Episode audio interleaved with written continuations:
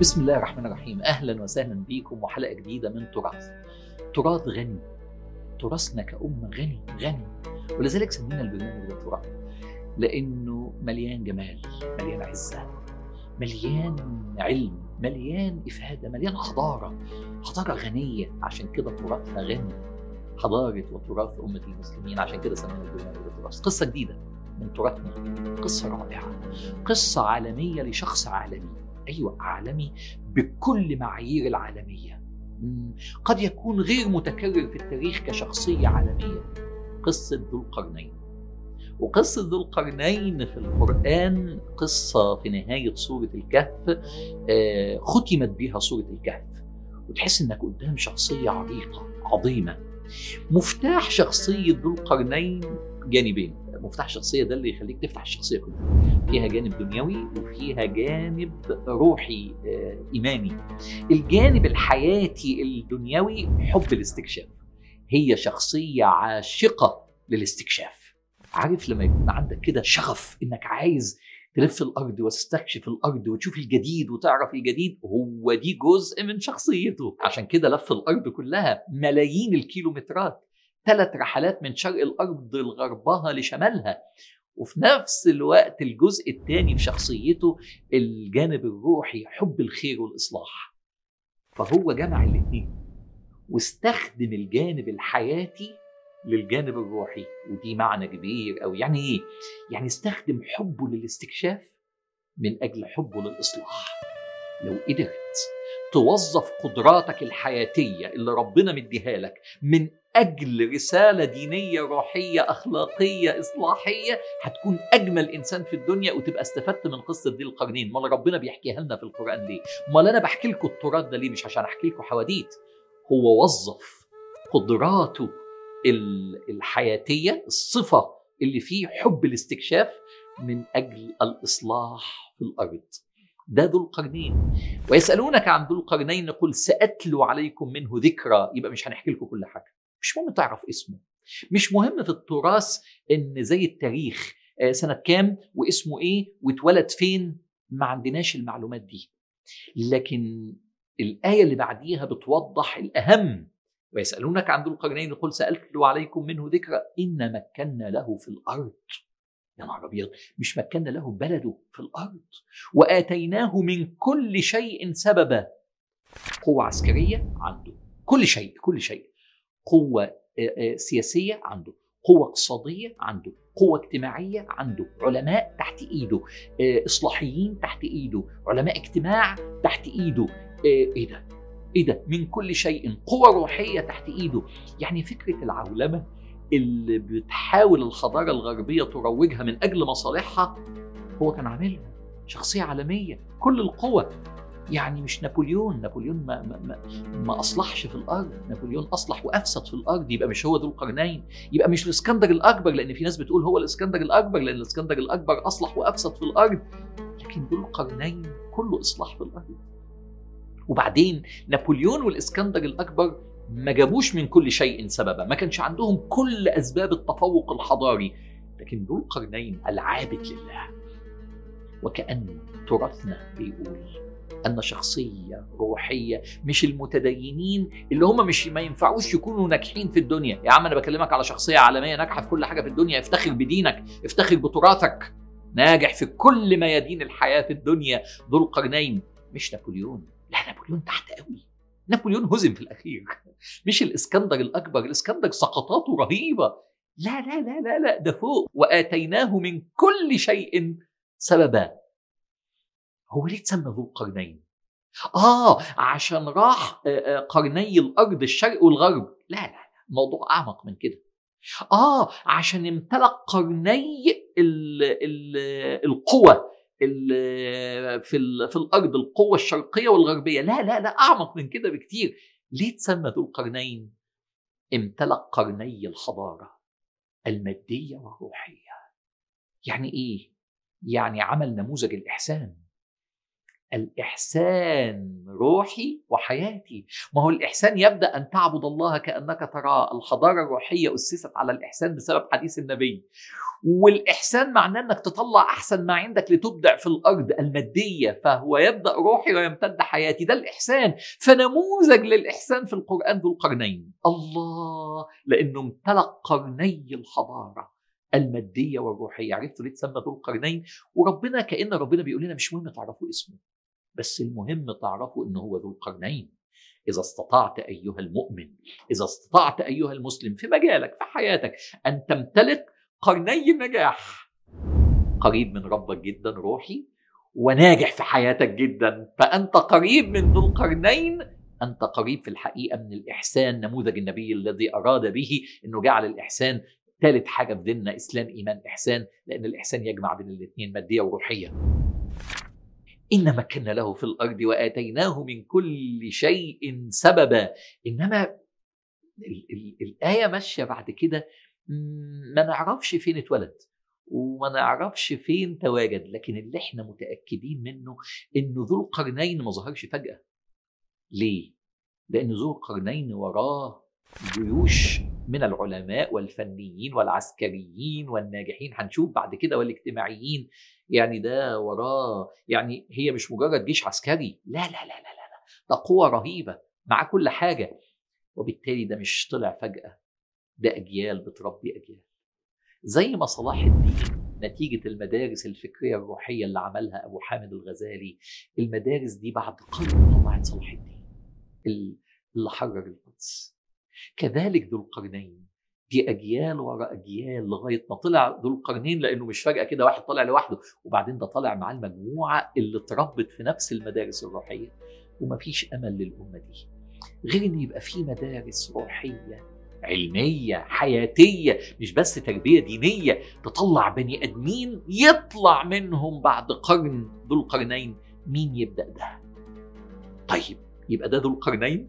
ودي البيئة المحيطة بيه وده موضوع ذو القرنين. هيعمل إيه ذو القرنين؟ هيعمل ثلاث رحلات. وكل رحلة يتبعها القرآن بكلمة ثم أتبع سببا ما بيطلعش الرحلة إلا ما يجهز كل الأسباب. العلمية واللوجستية والدراسات وال... ودراسة الأرض ودراسة المكان اللي رايحه ودراسة مالية ودراسة اجتماعية. يا ثم أتبع سببا يعني إيه ثم أتبع سببا؟ أخذ بالأسباب 100% مش طالع كده وخلاص. وما اكتفاش في أول رحلة إن كان معاه الأسباب الأولى. مع كل رحلة ثم أتبع سببا تعرف تاخد بالأسباب ده كده؟ هي دي منزلة التوكل على الله. أنا يا رب عايز أعمل الخير. مش كفاية. ثم أتبع سببا وتذكر ثم أتبع سببا ثلاث مرات مع الثلاث رحلات. طول ما أنت بتتحرك في الحياة أتبع سببا كل ما تدخل مشروع جديد أتبع سببه. أنا مش بحكي لكم القصة أنا بسقط القصة على حياتنا. التراث لنبني به الحاضر. ثلاث رحلات. ملايين الكيلومترات. رحلة في الغرب رحلة في الشرق رحلة في الشمال.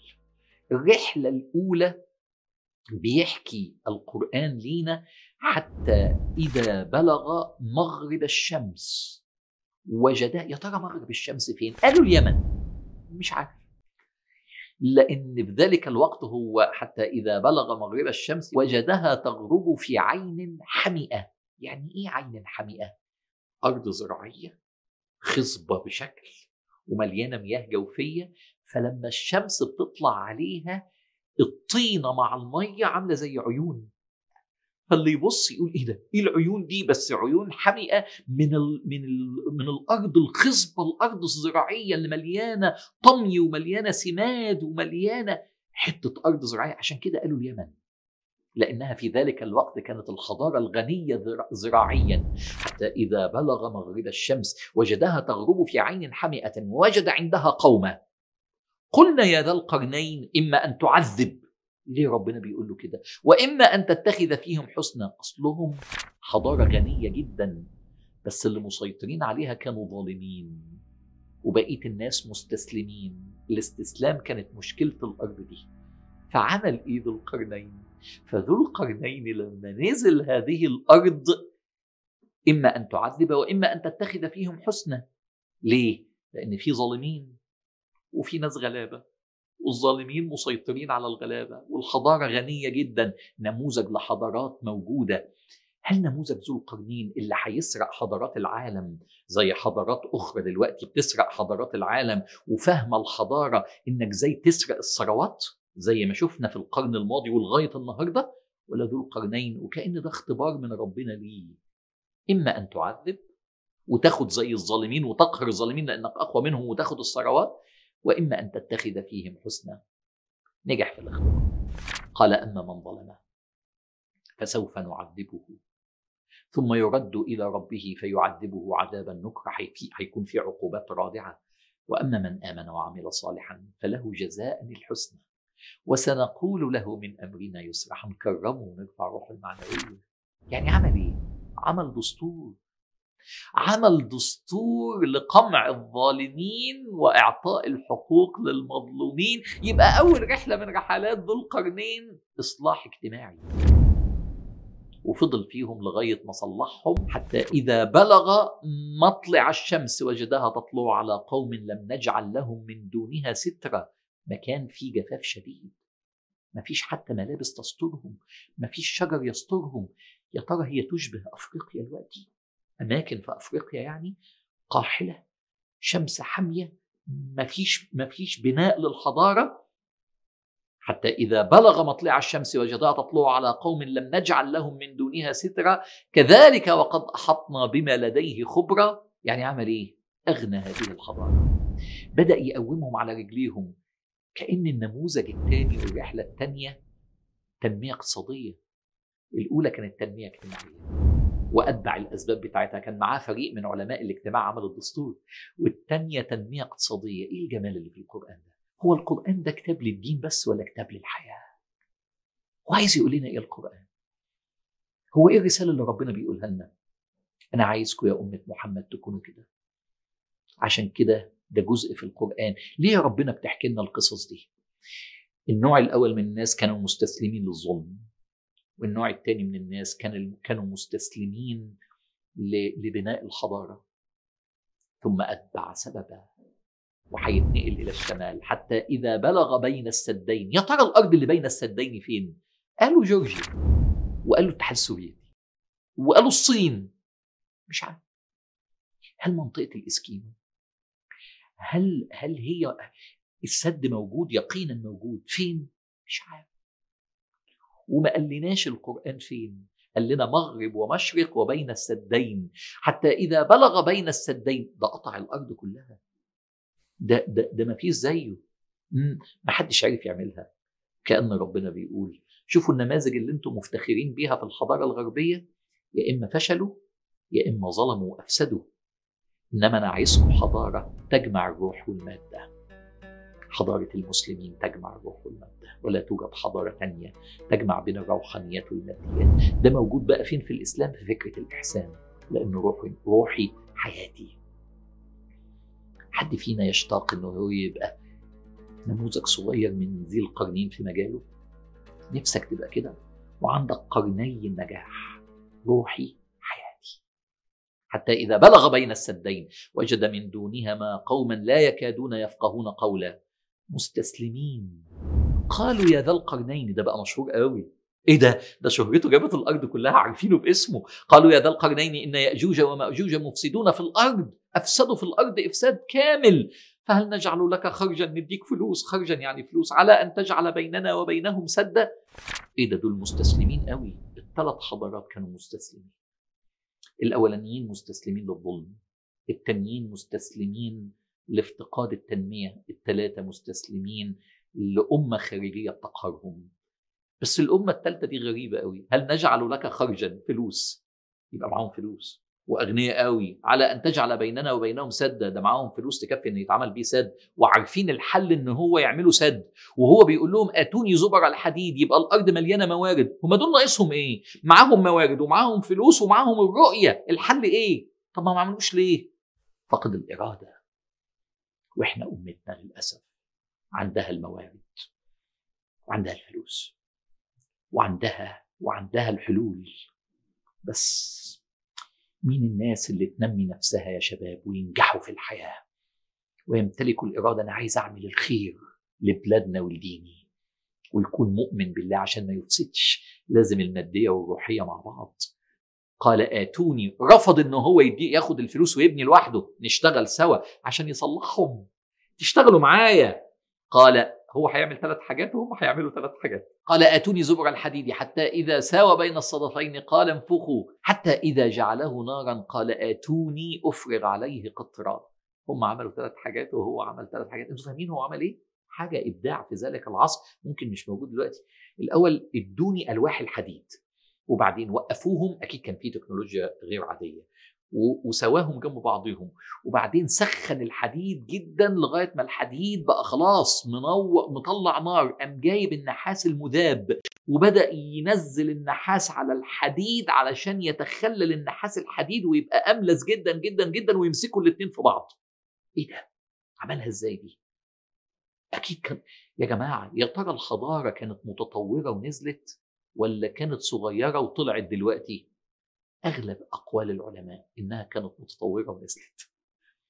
ذو القرنين عنده إبداعات تاريخية واختفى ذو القرنين من ذلك الوقت فما استطاعوا أن يظهروه وما استطاعوا له نقبه لا عرفوا يجوا من فوقيه ولا عرفوا يحفروا من تحته. إيه الإبداع الصناعي ده؟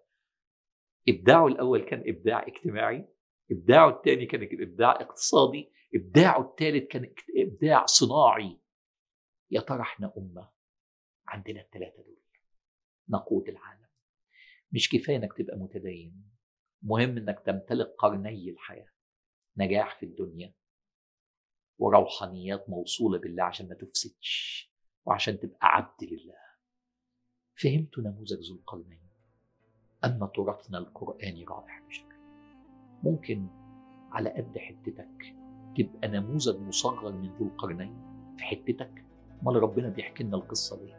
أمال ليه مرضي يحو... ليه ما رضيش ربنا يخليها لنا بشكل قصة تاريخية؟ علشان نقول الله أما قصة حلوة مش مهم اسمه مش مهم اتولد فين وفي سنة كام مش مهم راح فين مش مهم فين السدين المهم الفكرة. هذا هو تراثنا. شكرا لكم جدا. اشوفكم على خير. والسلام عليكم ورحمة الله. وبركاته